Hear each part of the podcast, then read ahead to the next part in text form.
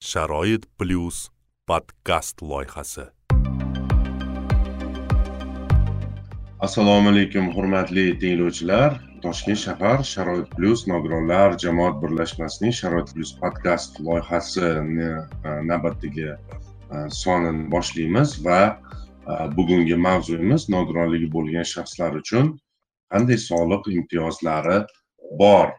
Va biz bugun toshkent shahar e, soliq e, boshqarmasining e, davlat soliq bosh inspektorlari anifa abdurasulova va barno alibekovalarni spiker sifatida taklif etganmiz. O'zinglarni savollaringlarni albatta berishinglar mumkin bo'lib qoladi. Va bugun savollarni berishda shunaqa imkoniyat paydo bo'ldiki bemalol rus tilida ham savol beruvchi tinglovchilarimiz bo'ladigan bo'lsa tortinmasdan rus tilida ham savolinglarni berishinglar mumkin. Demak boshlaymiz. Assalomu alaykum barnopa va anifa opa. Кто у нас на узбекском барнопа да будет да барнопа на узбекском анифа на русском языке assalomu alaykum. Assalomu kattakon rahmat vaqtinglarni ayamasdan bizga rozilik berganinglar uchun Э, birinchi э, savol bermoqchi edim. Juda yam ko'plab savollar yetib keldi bizaga э, mana nogironligi bo'lgan shaxslarga daromad solig'i bo'yicha imtiyozlarga ko'proq tushunchalar berilishini so'rashyapti. Sababi hozir e, mana bu eng kam ish haqini hisoblashda bir nechta me'yorlar paydo bo'ldiku. E, misol uchun haligi bazaviy miqdor yokida eng kam to'lanuvchi ish haqi degan miqdorlar hozir e, paydo bo'lgan oxirgi yillarda e, mana shundan kelib chiqib e, nima deydi daromad solig'ini to'lashda ko'pchilikda tushunmovchiliklar sodir bo'layotgan ekan. Shu daromad solig'i bo'yicha barnopa iloji bo'lsa agar ma'lumot bersangiz zo'r bo'ladi assalomu alaykum yana bir bora. Demak daromad solig'i bo'yicha soliq solishdan qisman ozod etiladilar. O'zbekiston. Hmm, hozir urush nogironlari va qatnashchilari. Shuningdek demak mana shu ularga tenglashtirilgan shaxslar. Bular mehnatga haq to'lashning eng kam miqdorining bir qirq bir barobar miqdoridagi daromadlaridan soliqdan ozod etiladilar. Bolalikdan nogironligi bo'lgan shaxslar shuningdek birinchi va ikkinchi guruh nogironligi bo'lgan shaxslar e, demak mehnatga haq to'lashning eng kam miqdorining uch barobar miqdoridagi daromadlari bo'yicha daromad solig'idan ozod etiladilar e, mana shu uzr gapingizni bo'ldim. E, shuni iloji bo'lsa расшифровка qilib ani hozirgi kunda masalan qanaqa hisoblanyapti bu chunki hamma ham tushunolmaydida ya'ni mehnatga to'lashi uchdan shunaqa foiz ko'rsatkichda tushundim savolingizni bugungi kunda mehnatga haq to'lashning eng kam miqdori to'qqiz yuz sakson ming etib belgilangan. Demak e, mana shu e, daromad solig'i uch baravar deganda to'qqiz yuz sakson mingni uchga ko'paytiramiz. ikki million to'qqiz yuz qirq ming so'm e, masalan oylik ish haqi olinsa uch million so'm oylik ish haqi olinsa unda to'qqiz ikki million to'qqiz yuz qirq ming so'mi chegirib tashlanadi soliqqa tortilmaydi. Qolgan summasi soliqqa tortiladi degani. Aha tushunarli.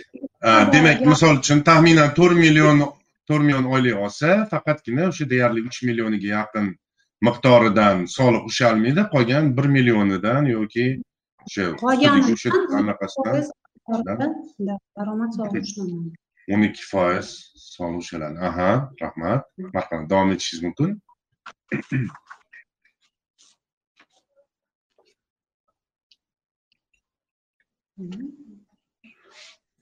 Daromad solig'i faqat mana shu imtiyozlar belgilangan tushunarli.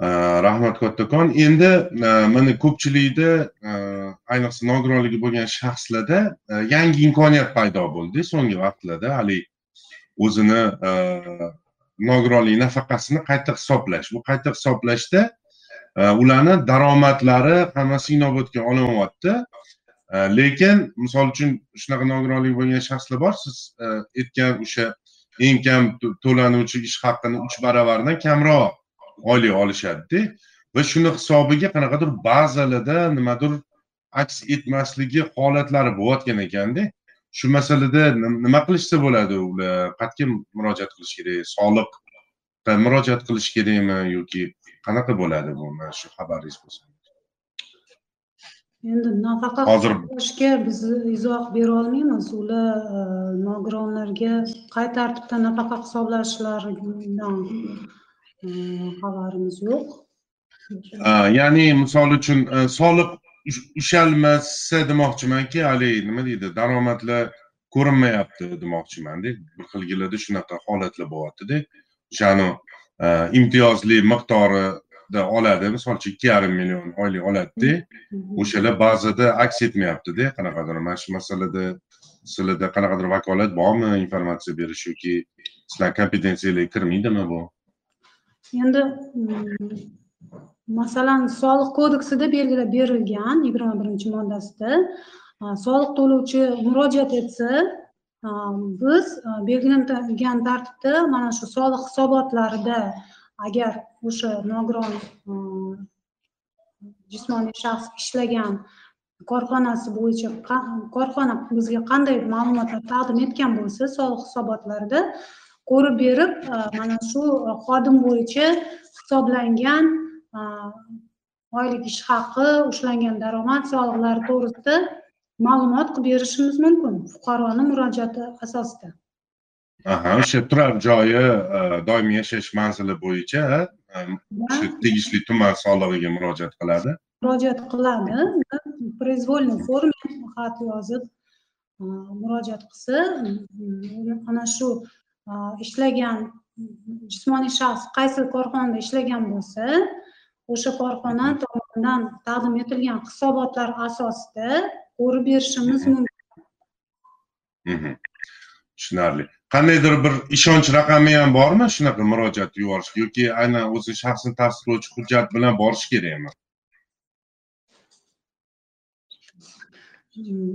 Yozma ravishda murojaat qiladilar. Agar e, shaxsiy kabinet orqali murojaat qilolmasalar oddiy e, qog'oz shaklida xat yozishlari mumkin. Faqat u xatda e, o'sha o'zlarini manzilini telefon raqamlarini aniq ko'rsatib familiyalarini va ishlagan korxonalarni aniq yozib berishlari kerak bo'ladi. Va a, o'sha a, yashash joyi bo'yicha tuman soliq inspeksiyasiga murojaat qilsalar bo'ladi. Agar u korxona toshkent shahar e, masalan e, soliq boshqarmasidan ro'yxatdan o'tgan bo'lsa u e, soliq inspeksiyasi tegishligicha e, sho- shahar soliq boshqarmasiga yuboradi va mana shu javobni so- soliq boshqarma yozib beradi tushunarli. Juda ham qimmatli ma'lumot e, rahmat bitta endi e, mol mulkdan undiriluvchi soliqlar masalasida ham bir qancha savollar to'planib qolgan. E, ya'ni o'sha nogironligi bo'lgan shaxslar o'zlarini nomlarida mol mulk bo'lsa qanday to'laydilar yokida oila a'zolarini orasida nogironligi bo'lgan shaxslar bor bo'lsa u oilalarga qanaqa mol mulkdan soliq imtiyozlari bor? Mana shu masalada ozgina oydinlik kiritib bersangiz zo'r bo'lardi. Mol mulk solig'idan agar egaligida mulki bo'lsa urush nogironlari va qatnashchilari ularga tenglashtirilgan shaxslar mol mulk solig'idan ozod. Shuningdek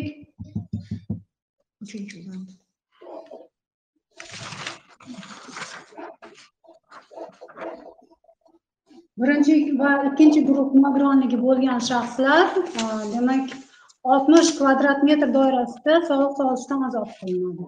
Bu imtiyozlar faqatgina agar ularni nomida bo'lsa shunaqa deb aytamiz endi to'g'risi egaligida deb gapiriladi nomida deb aytsak to'g'riroq tushunishadi.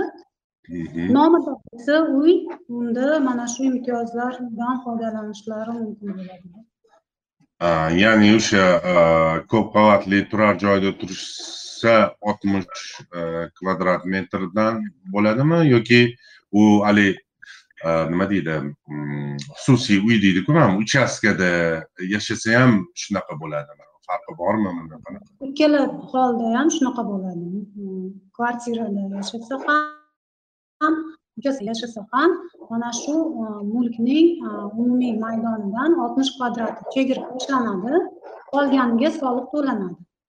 Agar kvartira masalan ellik to'qqiz kvadrat bo'lsa unda umuman to'lanmaydi. Mhm. tushunarli rahmat. Endi e, soliq tizimi bilan bog'liq bo'lgandan keyin yana bitta savol kelib tushgan bizaga mana o'zini o'zi band qilish masalasida ham ko'p. Savollar kelib tushadi e, ya'ni o'sha e, murojaat qilishganda e, ishsiz bo'lgan nogironligi bo'lgan shaxslar yoki o'zi umuman fuqarolar murojaat qilishganda ayrim joylarda o'zingizni o'zingiz band qiling tumandagi soliq qo'mitasiga borib degan izohlar bo'larkanda endi insonlarga. Bu qanaqa mexanizm o'zi? Qanaqa qilib amalga oshiriladi? Nima qilish kerak uning uchun? Va nimalarda u yordam beradi? Insonlarga bugungi kunda o'zini o'zi band qilish bo'yicha demak imkoniyatlar yaratildi ayrim turdagi faoliyat turlari bilan shug'ullanuvchi tadbirkor desak ham bo'ladi bularni bu qanday tartibda amalga oshiriladi demak mobil ilova orqali telefon orqali deymiz Uh, bular ro'yxatdan o'tishlari kerak bo'ladi как o'zini o'zi band qiluvchi shaxs sifatida. Faqatgina u yerda faoliyat turlari mavjud. Ana shu faoliyat turlari bilan shug'ullanishni shug'ullanuvchilar uchun belgilangan bu norma ya'ni hamma faoliyat turi uchun emas. Faqat o'sha ro'yxatga tushganlar bu tushgan faoliyat turlari bo'yicha o'zini o'zi band qilib ishlashlari mumkin endi mana shu norma masalan bunda buni qulayligi nimada bu o'zini o'zi band qiluvchi shaxslar deyarli soliq to'lamaydilar faqatgina masalan ish stajiga ega bo'lish uchun keyinchalik pensiya olish uchun bir yilda bir marta bazaviy hisoblash miqdorini bir baravar miqdorida ijtimoiy soliqni to'lashlari lozim bo'ladi birinchi dekabrga qadar. Agar ularga staj kerak bo'lsa ixtiyoriy ravishda keyinchalik menga pensiya hisoblansin desa mana shu summani to'lab borsalar bir yilda bir marta uch yuz o'ttiz ming bugungi kunda bu miqdor demak ularga keyinchalik ish staji ham hisoblanib mana shu summadan kelib chiqqan holda pensiya hisoblanishi hisoblanadi. Yana buni yaxshi tomonlari mana shu ayt- aytgan ikkita narsa ham yaxshi tomoni. Bu o'sha soliq hisoblanmasligi soliq to'lanmasligi и pensiya olishlari mumkinligi. Endi bunda o'zini o'zi band qiluvchi shaxs deganda bu shaxs o'zini o'zi ish bilan ta'minlashi kerak bo'ladi.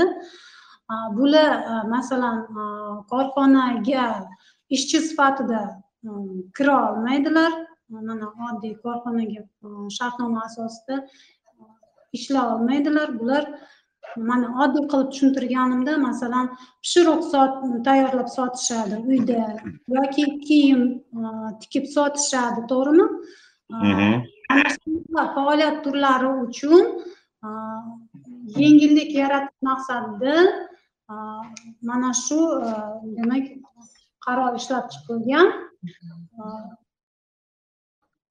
buni mana shu yengillik taraflari soliq deyarli hisoblanmasligi endi soliq to'layman deganda ham eng kam miqdorda to'lashlari va bu to'lashlari ham o'zlariga kelgusida mana shu nafaqa olishlari olish imkoniyati berishligida aha mana hozir bitta qiziq ma'lumot aytdingizda o'zini o'zi band qilganlar boshqa davlat yoki nodavlat sektorida shartnoma asosida o'sha mehnat faoliyatini olib borish imkoniyati bo'lmaydi dedingizda. Misol uchun misol uchun man o'zim o'zim band qildim o'sha adashmasam oltmishtami shunaqa yo'nalish bor edi o'sha ro'yxatida o'shandan bittasini tanladim va o'zim o'zim band qildim. Misol uchun bir ikki oy ishladimda keyin manga mos bir taklif chiqib qoldi. Bir qaysidir ishxonadanda man o'sha ishga kirishga qaror qildim.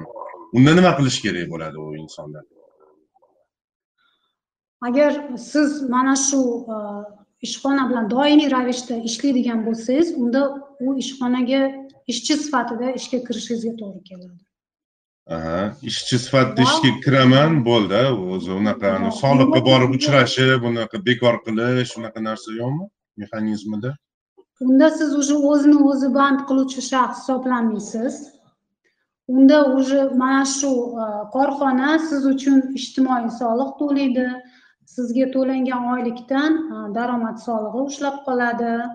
E, mana shu oddiy ishchi qanaqa ishlasa mana shu tartibda ishlagan bo'lib qolasiz. Agar korxona bilan doimiy ishlasangiz agar siz masalan qanaqadir narsa yasab sotsangizda и bironta korxona bilan bir martalik qanaqadir bir marta mana shu korxona sizdan iltimos qilyapti mana shu narsani manga ham yasab ber manga kerak desa unda mumkin.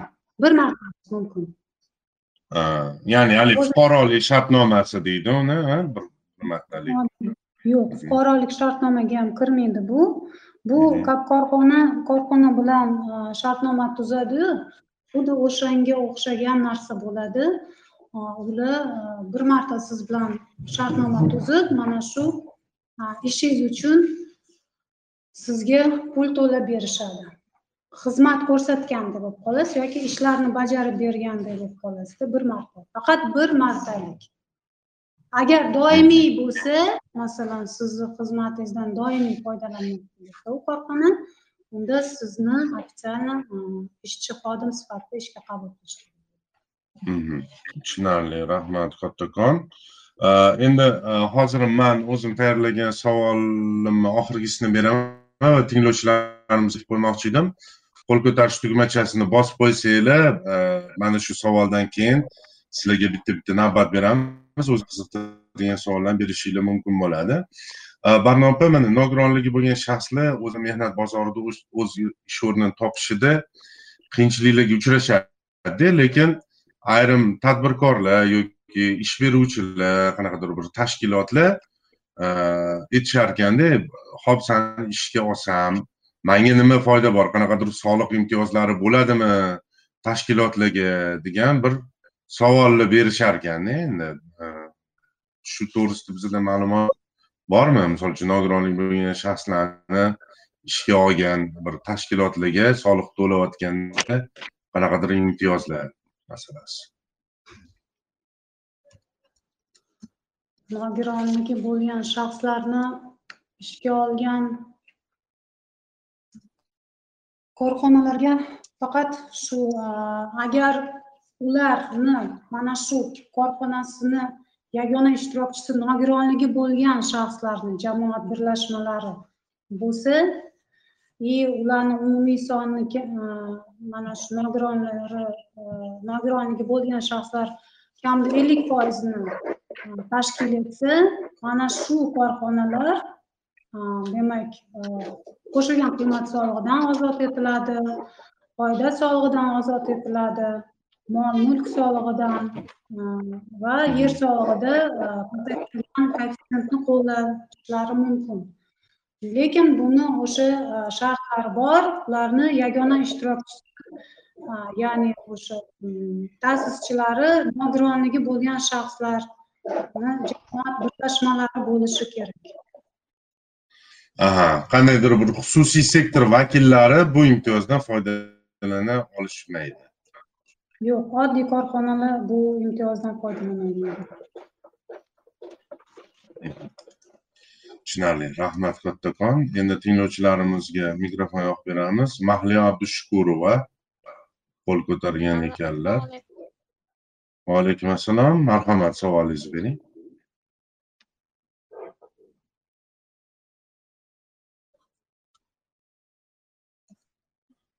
mahliyo biz sizni eshitmayapmiz marhamat savolingizni berishingiz mumkin Men birinchi guruh nogironiman. aha Meni xo'jayinim ham birinchi guruh nogironi. Bu anaqa deyapti-da, xo'jayinim mana shu o'zimiz mahalladan uy-joy kerak deyapti. Shunga nima qilsak bo'ladi? Siz mavzuyimizni eshitdingizmi o'zi? Bugungi mavzuyimizdan xabardormisiz? Ha, ha. Bugungi mavzuyimiz soliq e, Soliq. imtiyozlari haqida. Uy joy e, bo'yicha albatta rejamizga kiritilgan. E, mana shu rejamiz bo'yicha bir podkast qilganimizda albatta savolingizga javob topishga harakat qilamiz. Uzr so'raymiz. Ho'p javoh degan e, tinglovchimiz bor ekan. Qo'l ko'targanlar. Marhamat. Avvalambor assalomu alaykum Ulug'bek aka. Vaalaykum assalom Meni savolim quyidagilardan iborat. Men budjet tashkilotida ishlayman, ikkinchi guruh nogironiman.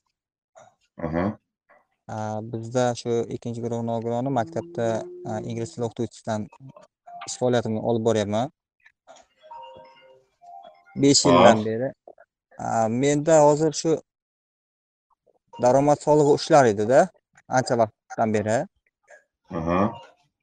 Hozirgi paytda endi qanday imtiyozlar asosida men shuni kamaytirtirishim mumkin? to'xtang savolingizni ozgina oydinlashtiraylikda E, sizni butun oyligingizdan daromad solig'i ushaydimi iloji bo'lsa bir to'ldirib bering savolingizni necha pul oylik Начисление bo'ladi ham 3 million 85 ming bo'lsa, shundan kamida adashmasam 800 mingmi ketadi-da, 900 mingmi? soliq daromad solig'imi Albatta. Mhm. marhamat E, barnopa nima de nima deyishimiz mumkin tinglovchimizga. Endi avvalambor bular e, o'sha e, ishxonalarga buxgalteriyasiga murojaat qilishlari kerak bo'ladi. Mana shu nogironligi haqida e, guvohnomasini taqdim etib ariza bilan. Mana bu yigirma uchinchi yil uchun ular qayta ko'rib chiqib bularni bular bo'yicha qayta hisobot qilib qayta ko'rib chiqishlari mumkin ishxonani A- o'zi. Keyin o'tgan javob oxirigacha beryapsizlar iltimos. Oldingi oldingi yillar bo'yicha bular e, o'sha o'zlari ya- yashash joyi bo'yicha soliq inspeksiyasiga murojaatlar murojaat qilishlari mumkin. Ariza bilan. Endi arizaga o'sha e, demak o'sha guvohnomalarini pasportlarini shuningdek mana shu e, yillar uchun e, ishxonalaridan e, olingan ish haqqi va ushlangan daromad solig'lari bo'yicha ma'lumotnoma spravka deymiz. O'sha spravkalarni qo'yib berib murojaat qilishlari mumkin. Deklaratsiya taqdim etib mana shu deklaratsiya asosida qayta hisob kitob qilib berishi mumkin soliq organlari ham. Oldingi yillar Shu oldingi yillar deganingizga bitta narsani nazarda tutyapman. Mana shu 2-3 yilmi yo 4 yil, 5 yillikni ham misol nima qilsa bo'ladimi? besh yilgacha iskv давность besh yil deb belgilangan hozirgi kunda besh yilgacha e, bo'lgan davr uchun murojaat qilishingiz mumkin Albatta gruppa qog'oz bilan birgalikda. albatta u siz hech kim sizga buni qo'llab bermaydi bu imtiyozni Demak, o'sha a, gruppa qog'ozim bilan a, nima soliq o'zimizni soliq idorasiga boraman ariza bilan. nafaqat gruppa qog'ozi bilan o'sha ishxonangizda ishlagan davrlaringiz uchun ol- olgan ish haqqi to'g'risidagi spravka deyapman bu spravkani ham olib borishingiz kerak ular ko'rishlari kerak haqiqatdan sizga bu imtiyoz qo'llanilmaganligi to'g'risida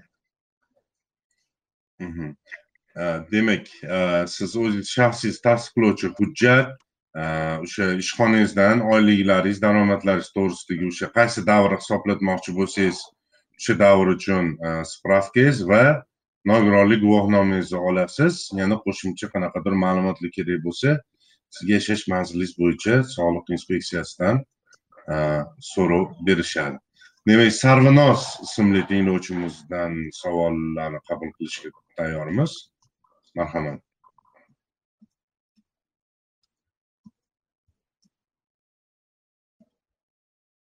Ha.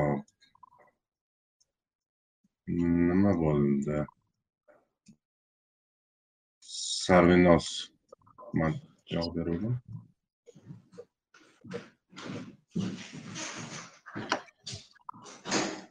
Iltimos qilardim qo'l ko'targandan keyin e, qo'lni tushirmanglar chunki o'ziga yarasha muammolar bo'lib qoladi. Ho'p doston mahkamovga mikrofon yoqib beraman. Marhamat doston mahkamov.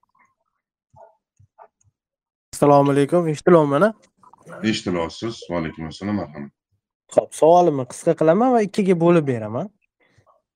Man ikki yil mobaynida ikki yildan oshdi. Institutda ishlayman byudjet tashkilotida. Anaqa tushuntirsam daromad solig'i olinmaydi birinchi savolim shundan iboratki daromad solig'i olinmaganini hisobiga inps yozilmayapti. Bu to'g'rimi? Ya'ni bir nol bir foiz yozilib boriladiku har oyda. O'sha narsa yozilmayapti. Bu to'g'rimi? Birinchi savolim shu. Inps to'g'ri. Inps daromad solig'i hisoblangandan keyin o'sha daromad solig'i summasidan ushlab qolinib yuboriladi xalq banklariga sizdan daromad solig'i ushlanmayotgan bo'lsa demak nps ham kelib chiqmaydi.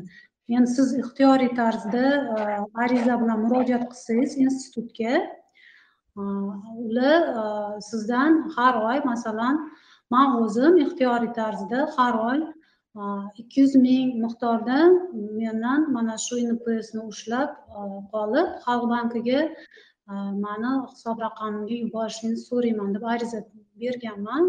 Har oy oyligimdan ushlab qolishadi. Ikki yuz mingni yig'ib yig'ib boraverdi siz ham shunaqa tartibda e, anaqa mana shu ixtiyoriy tarzda yuborishingiz mumkin npsga daromad solig'i bo'lmasa nps ham bo'lmaydi. Majburiy nps summasi daromad solig'idan ushlab qolinadi. Ho'p endi shu yuzasidan savolimni davom ettiraman. Э, bizada inps yozilmaganini hisobiga hech qaysi bank va рассрочка beradigan magazinlar ham bizaga kredit va рассрочка rasmiylashtirmayapti. Sababiki inps yozilmagani hisobiga bizada nps yozilmagani hisobiga ba'zida oylik ko'rinmayapti deb bahona qilishyapti banklar ham и o'sha рассрочка beradigan magazinlar ham. Aslida maygo o'zidan kirib o'sha soliq bo'limidan e, hisoblangan oylik ish haqqini chiqartirsam chiqyapti. To'liq o'sha olingan pul chiqyapti har oylik. Lekin ularni bazasida chiqmayapti. Nimadan desam soliq bermagan bizga deyishyapti banklar. U ba'zan soliq soliqda ayblash o'ta noto'g'ri. Aytyapsizku maygovdan olsam hammasi ko'rinyapti. Bankni o'zini demak tartibi borki ular ana shunga qarab berishadi. Endi u savol bankka man hozir ularni bunaqasiga izoh berolmayman kreditni nimaga berishlari nimaga рассрочкani nimaga bermasliklariga izoh berolmayman rahmat iskandar abdurazzoqovga mikrofon yoqib beraman marhamat iskandar abdurazzoqov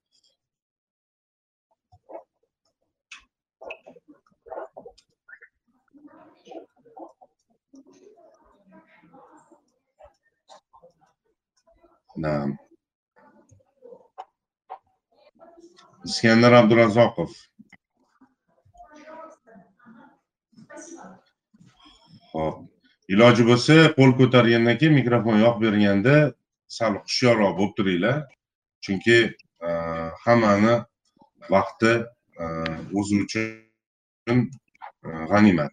Sarvinozga boshqatdan mikrofon yoqib bersam marhamat sarvinoz. Assalomu alaykum. Assalomu alaykum. Vaalaykum assalom uzr boya sal nima bo'lib qoldi.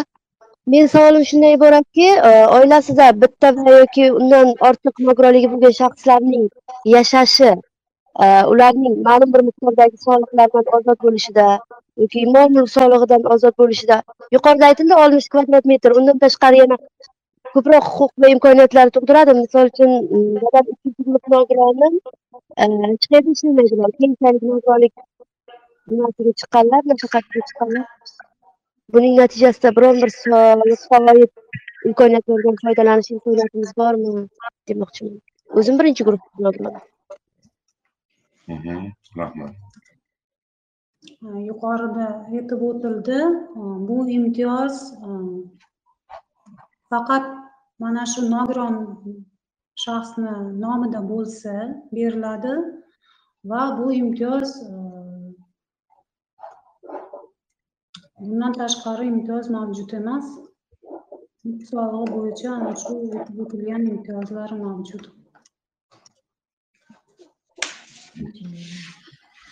Tushunarli, rahmat. Bahodir qo'l ko'targanlar. Marhamat, Bahodirga yoqib berdim mikrofonni. Assalomu Assalomu alaykum. Savolingiz. Savolim shundan iborat edi. Men e, ikkinchi guruh nogironiman-da men. Shu guruh nogironlariga e, o'qishda o'zim o'qiyman, sirtqi kontraktda o'qiyman. Qanaqa imtiyozlar bor yo uy-joy masalasida qanaqa imtiyozlar bor? Bahodir, siz bizni mavzuyimiz bilan tanishdingizmi o'zi bugungi podkastimiz mavzusi? Hozir keldida, menga ssilkasi hozir keldi, srazi kirdim man. Man iltimos qilardim, mayli, e, bexabar bo'lganingiz uchun e, unaqa anaqa qilmaymiz, lekin tinglovchilar iltimos savollar berayotganda mavzudan kelib chiqib savol beringlar. Hozir masalan Barnopa yoki anifa Abdusattorovna uy-joy masalasida sizlarga hech narsa ma'lumot etolmaydilarda, to'g'ri tushunishinglar kerak bu narsani. Boya Sanaqulova Matluba qo'l ko'targandilar. Keyin vaqt o'tib nimagadir yo'q bo'lib qoldi qo'llari, lekin shunda ham mana mikrofon yoqib beryapman. Marhamat. Sanaqulova Matluba.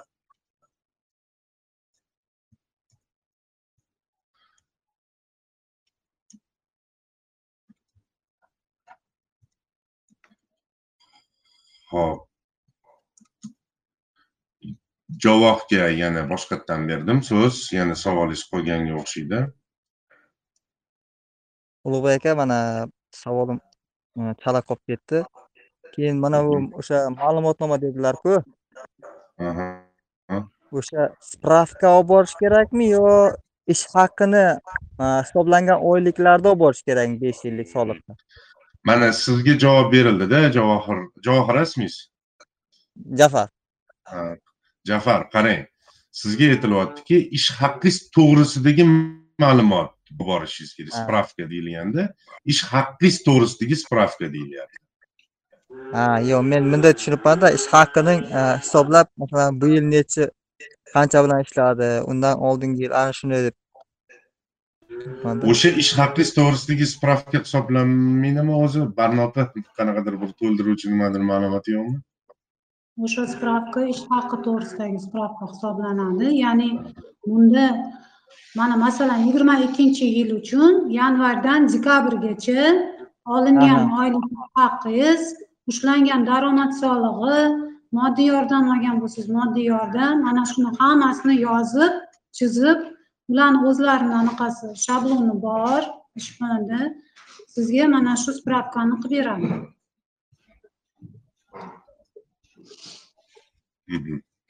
Tushunarli.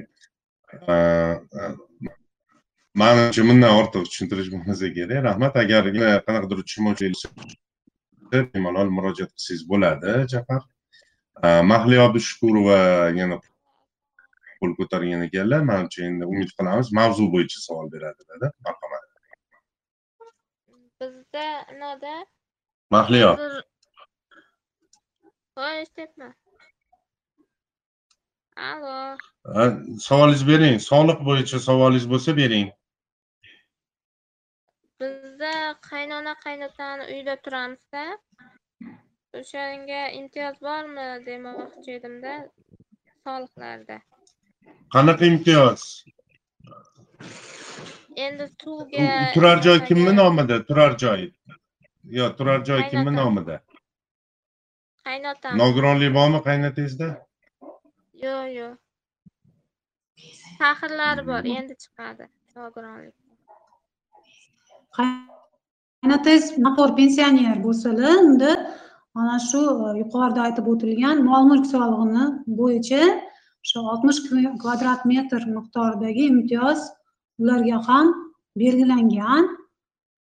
Manimcha u soliq inspeksiyalari tomonidan qo'llanilib keladi u imtiyozlar. Mhm. tushunarli. Ho'p. Hozir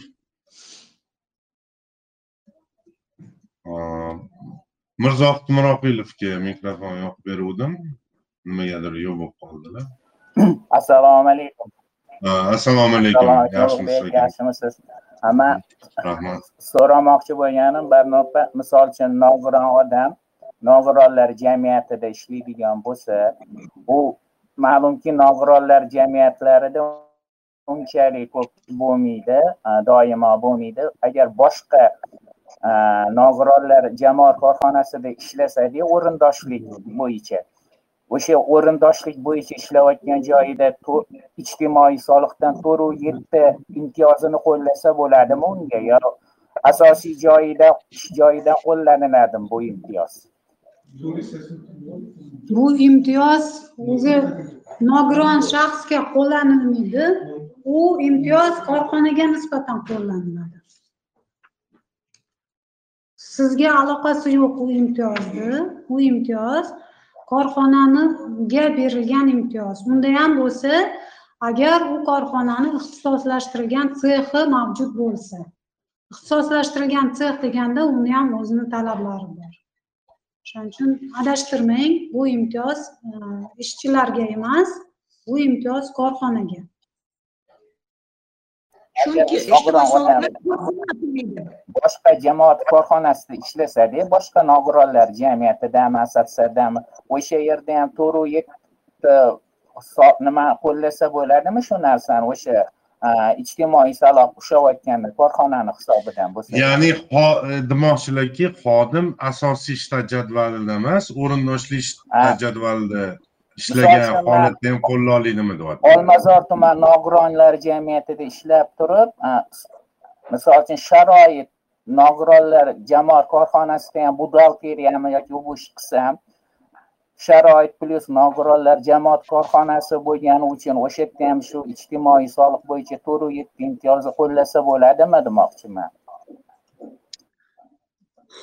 bitta narsani yaxshilab tushunib olaylik ijtimoiy soliq bu korxona tomonidan to'lanadigan soliq. Bu nogironligi bo'lgan shaxs tomonidan to'lanadigan jismoniy shaxslardan olinadigan daromad solig'i emas. Shuni to'g'ri tushunishingiz kerak. O'shaning uchun to'rt yetti foiz bu a, to'rt yetti foiz miqdoridagi ijtimoiy soliqni korxona to'laydi. Ixtisoslashtirilgan sexi bo'lgan mana shu nogironlarni ishlatayotgan korxona to'laydi uni. U mana shu e, imtiyozni qo'llash huquqiga ega. Buni sizga aloqasi yo'q. И siz o'rindosh bo'lib ishlaysizmi boshqa bo'lib ishlaysizmi? Bu ijtimoiy soliqni siz to'lamaysiz. Korxona to'laydi tushuntira oldimmi? Ho'p demak javob uchun rahmat ya degan tinglovchimizga mikrofon assalomu alaykum. Alaykum assalom assalomu alaykum. Uzr birinchi guruh nogironiman nima so'ramoqchi edim? Turar binoga e, soliq solinadimi nogironlarga? Manimcha yangi qo'shilganlar turar joy binosi uchun soliq to'laydimi nogiron deyapti Not- noturar bino uchun noturar bino uchun. Ha noturar noturar joy bino uchun. Нежилой noturar bino sizni nomingizdami ha. Tadbirkorlik faoliyatida shug'ullanasizmi? U bilan ha. farzandlarim shug'ullanadida men o'rgataman yo'q u sizni nomingizdami ha meni nomimda.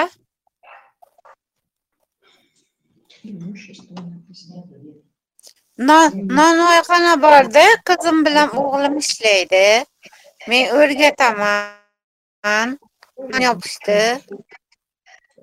egaligingizda bo'lsa e, u natural joy va siz undan tadbirkorlik faoliyatida shug'ullanayotgan bo'lsangiz unda u bo'yicha imtiyoz mavjud emas lekin. Ha. Keyin anaqa uyda e, bilan o'zim shug'ullansam unga soliq solinadimi yo'qmi? Ishga olamiz deyishyaptida meniyam kasanachilik bilan siz hunarmandlar a'zosi bo'lmoqchimisiz uyushmasi a'zosi Yo'q, anaqa hunarmandlarga hali a'zo bo'lmadim-ku, lekin o'zim uyda o'zim yuzga yaqin nogironim borda, ularga qo'l mehnati o'rgataman.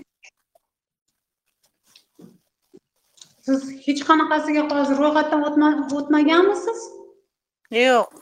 yuzga oshiq Yuzga yaqin ana Telegramda gruppamiz borda, nogironlar gruppasi. Ularni monomarkazda o'qitaman yigitlarni. O'sha nimasini tavsiya berib, e, lekin anaqa o'zimni gruppamni entity qilib ochmoqchi edim. Uni dokumentlar juda ham ko'p ekanda. Dokument ishi juda ham ko'p ekan. ntt deganingiz nima nodavlat notijorat tashkiloti. Ha. nodavlat notijorat tashkilot. Endi u nodavlat notijorat tashkilot bo'lmaydi. Siz u ishlab chiqarayotgan mahsulotingizni sotmoqchimisiz? Sotasizmi? Foyda ko'rish uchun ishlab chiqarishmi? Nodavlat notijorat korxona hisoblanmaydida unda Endi uyda bekor o'tirishmasin deb o'rgataman-da.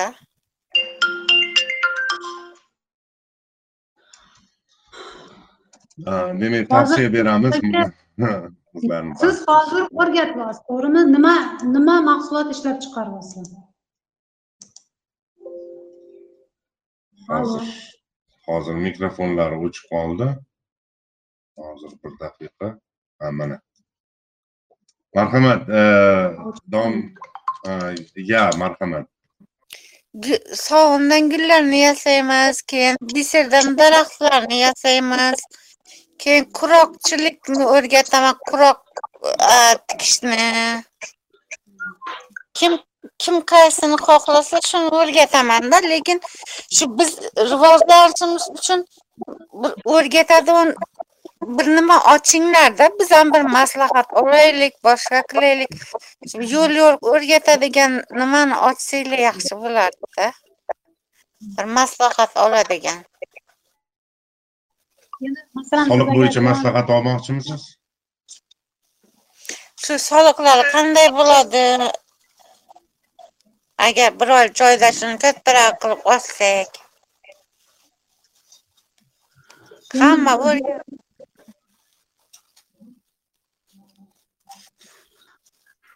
agar siz uyingizda mahsulot ishlab chiqarib uni bemalol sotolsangiz bozorga olib chiqib sotasizmi?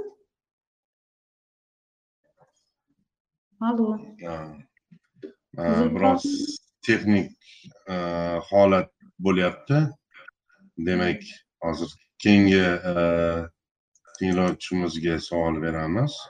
Hozir bir daqiqa ilhom toshevga e, mikrofonlarni yoqib berdim. Savollarni berishlari mumkin.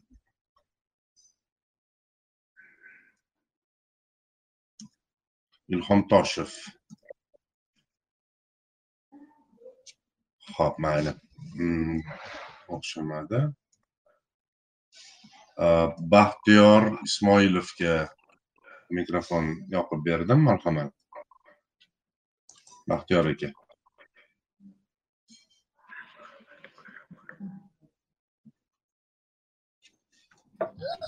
Alo, assalomu alaykum.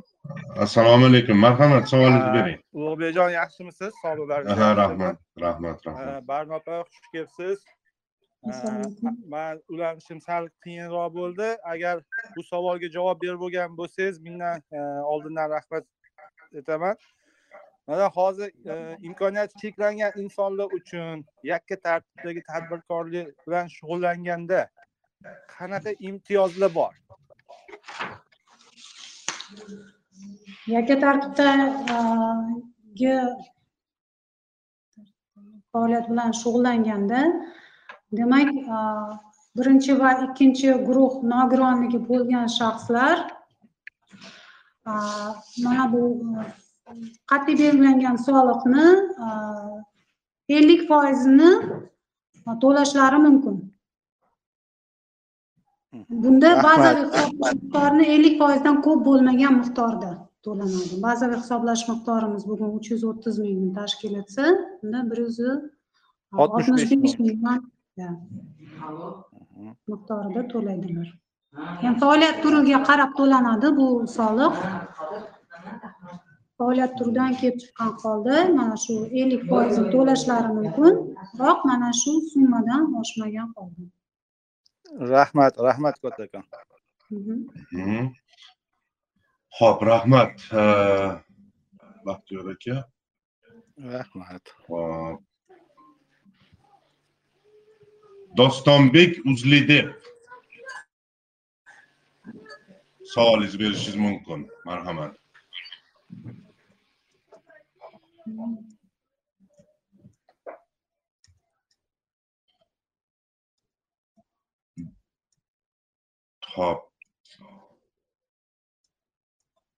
Nimagadir e, tinglovchilarimizda ozgina e, nima desam ekan bir e, shu mikrofon bilan bog'liq muammolar bo'lyapti ozgina vaqtimiz shu sababdan. Ho'p. Dostonbek uzlidev shu yerdalar lekin nimagadir ekranda assalomu alaykum eshityapmiz marhamat savolingizni bering. Men ikkinchi guruhdan nogironman magistraturaga kontrakt asosida qabul qilindi shu bo'yicha qanday imtiyozlar qanday nimalar olsam bo'ladi hozir? Siz bizni mavzuyimizni eshitdingizmi? Yo'q men yangi qo'shiluvdim mayli. Iltimos qilardik mavzuyimiz bilan tanishing birinchi bugungi mavzuyimiz nogironligi bo'lgan shaxslarga qanday soliq imtiyozlari bor? Biz oliy ta'lim bo'yicha ham podkastlar qilganmiz. Bizani telegram kanalimizni eshitib chiqsangiz o'sha kontraktda o'qish byudjetda o'qish hammasi bo'yicha javoblar boshqalar berilgan. Bemalol eshitib chiqsangiz bo'ladi. Demak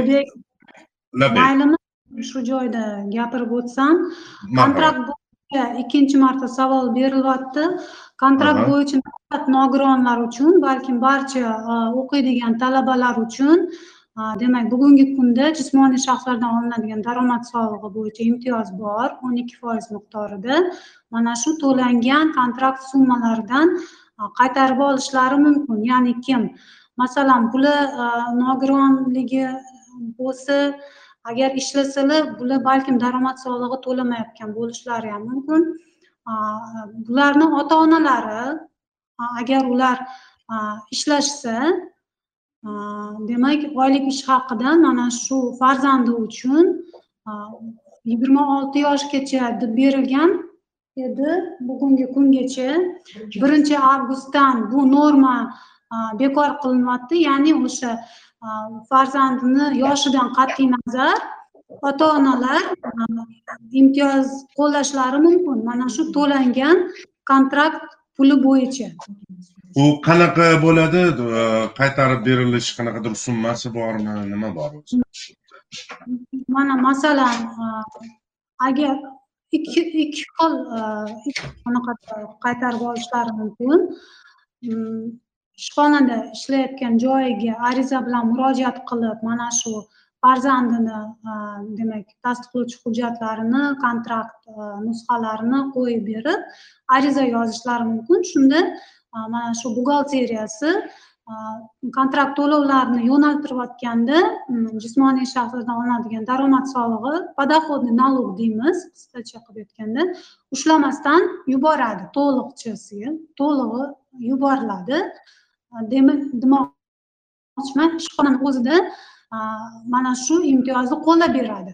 Agar ishxonada qo'llanmagan bo'lsa qo'llanilsa unda yil tugagandan keyin yana yuqorida aytib o'tilgandek soliq yashash joyi bo'yicha soliq organiga murojaat etishlari mumkin va mana shu imtiyozdan foydalanishlari mumkin. Bunda demak agar ota ona qo'llasa ota ona o'sha o'zlarini tasdiqlovchi hujjatlarini hujjatlarini to'lov kontraktlari nusxalari.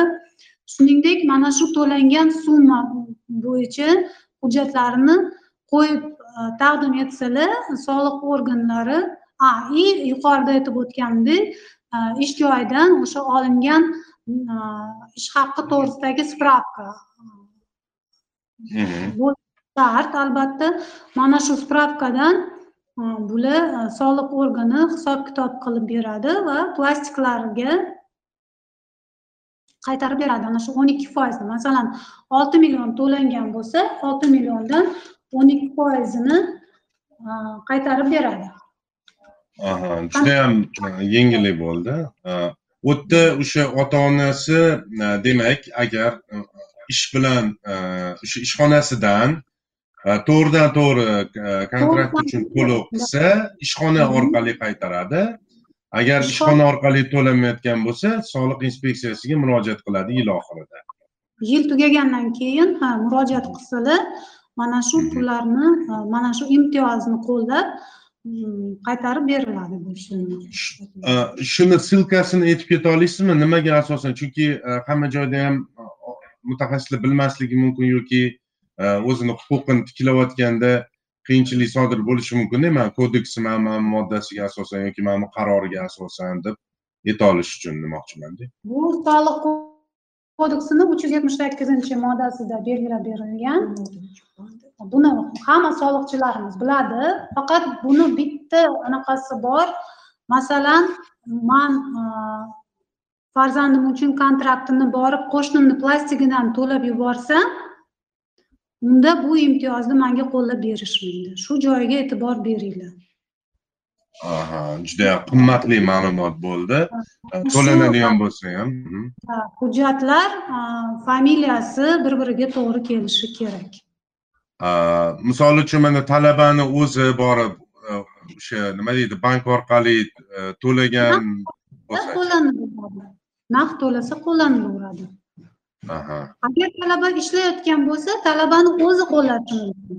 Agar uni summasi yetmasa mana bular bular aytdilarmi magistraturada o'qiyapman dedilar balkim qayerdadir ishlayotgan bo'lishlari mumkin. Agar ularni summasi o'sha olti millionga yetmasa o'sha to'lanayotgan kontraktni unda qolgan qismini ota onasi qo'llashlari mumkin. Qolgan summani ota onasi ham imtiyoz qo'llashlari mumkin faqat bu yerda shu soliq organiga borganda ularni o'sha talab etayotgan hujjatlarni taqdim etishlari kerak bo'ladi. Nusxalar. Mhm. Mhm. A, tushunarli judayam qimmatli ma'lumot bo'ldi. Ho'p bahodir husanovga mikrofon yoqib beramiz. Vaqtimiz ham nihoyasiga yetib boryapti taxminan yana besh daqiqa vaqtimiz qoldi. Marhamat assalomu alaykum yaxshimisizlar charchamayapsizlarmi rahmat marhamat savolingizni bering mani savolim mol mulk bo'yicha man birinchi guruh nogironiman nomimda ikki xonali kvartiram bor ya'ni oltmish yetti kvadrat metr. Ushbu mol mulk solig'ini to'lash bo'yicha yangi новостройкаdan olganimda rasmiylashtirayotganimda soliq to'laysan deb majburladi va buni kadastr hujjatini rasmiylashtirayotganda to'ladim. Lekin bundan buyog'i to'lash qanchalik haqli yoki nohaqli? Qanchalik to'layman yoki to'lamayman? Bu birinchisi.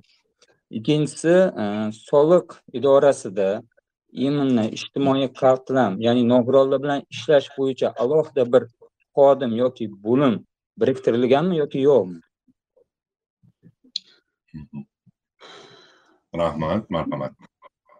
Mol mulk solig'i bo'yicha imtiyozni aytib o'tdim yuqorida ushbu imtiyozni qo'llashingiz mumkin. Oltmish kvadrat oltmish besh dedingizmi oltmish yetti kvadrat.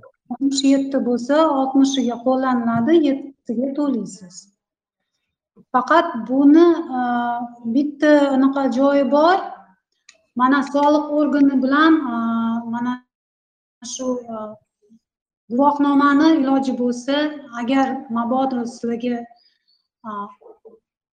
to'laysan deb kelsa borib guvohnomani olib borib berishinglar kerak bo'ladi. Chunki dasturda texnik sabablarga ko'ra mana shu nafaqaxo'r nogironlar guvohnomalari har yili kiritilsa ham ba'zi bir hollarda o'chib ketish holatlari kuzatilyapti. O'shaning uchun mana nafaqaxo'rlarga ham sen soliq to'lashing kerak degan avtomat tarzda hujjat borib qolyapti. O'shaning uchun agar shunaqa hujjatlar kelsa siz mana shu guvohnomangiz nusxasi bilan soliq organiga murojaat etishingiz kerak bo'ladi. Ular bu joyini to'g'irlab qo'yishadi. Endi ikkinchi savolingizga kelsak bizda nogironlar bilan alohida ishlaydigan bo'lim yo'q. Bizada bo'limlar o'sha soliq soliqlarni hisoblash bo'yicha belgilangan funksiyalar vazifalarga qarab belgilangan. Shuning uchun bu bo'yicha alohida ishlaydigan bo'limimiz mavjud emas. O'sha umumiy inspektorga murojaat qilinadi va o'sha odam shug'ullanadi. Qilinadi. Ho'p tushunarli. Demak hozircha manimcha savollar tugadi va bitta narsani so'ramoqchi edim. Har doim podkastimiz oxirida savol beraman. Soliq bo'yicha e, biron bir qanaqadir shikoyat yoki e'tirozlar yoki qanaqadir murojaatlar bo'ladigan bo'lsa ishonch raqamlarimi qisqa raqam e, shunaqa bir bormi? Man endi bilishimcha o'zim e, o'n bir to'qson sakkiz raqami bor. O'sha soliq bo'yicha qanaqadir savollar berganimni eslaymanda. Lekin shundan boshqa qanaqadir yana mexanizmlar bormi murojaatlarni yuborishga mana bizani raqamimizdan yozib olishinglar mumkin man bilan anifa abdusattorovnani yetmish sakkizlik kod bir yuz qirq o'ttiz ikki sakson uch va bir yuz qirq o'ttiz ikki oltmish ikki mana shu ikkita raqamga telefon qilishinglar mumkin to'qqiz bemalol murojaat ha lekin mana shunaqa majlislar mana shunaqa seminar vebinarlarimiz bo'lib turadi. Ba'zi hollarda e, telefon ko'tarilmadi deb xafa bo'lmaysizlar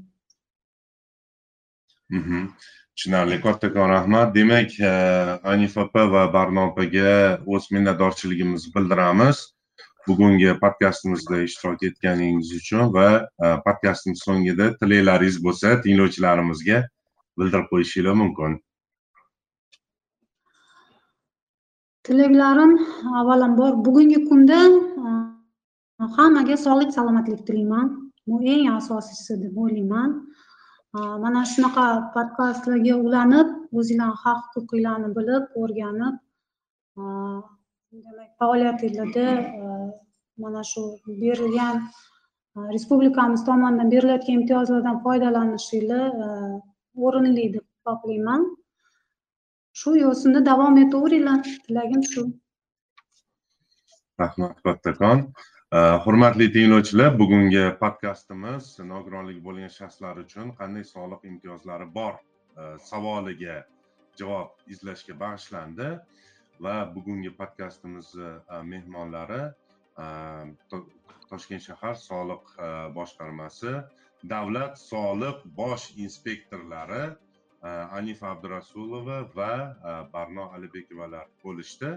Э, Podkastimiz yozib olindi va yozib olingan podkast э, internetga joylanadi ijtimoiy tarmoqlarimizga. Bemalol ularni yuklab olib foydalanishingiz mumkin bo'ladi. Bu yerda berilgan javoblar hammasi e, rasmiy manbalarga asoslanib e, berildi va e, bir qancha yangi ma'lumotlarni ham olishga muvaffaq bo'ldik. Biza bilan qolinglar bizani podkastlarimizni kuzatinglar. O'zinglarni taklif va mulohazalaringlarni bildiringlar. Yana qanaqa mavzularda podkastlar qilishimizni xohlaysizlar va o'sha sizlarni e, so'rovinglar talabinglardan kelib chiqib biz podkast mavzularini aniqlashda davom etamiz. Sog' salomat bo'linglar. Keyingi podkastlarda g'oyibona uchrashguncha xayrlashib qolamiz. Sog' bo'ling salomat bo'ling.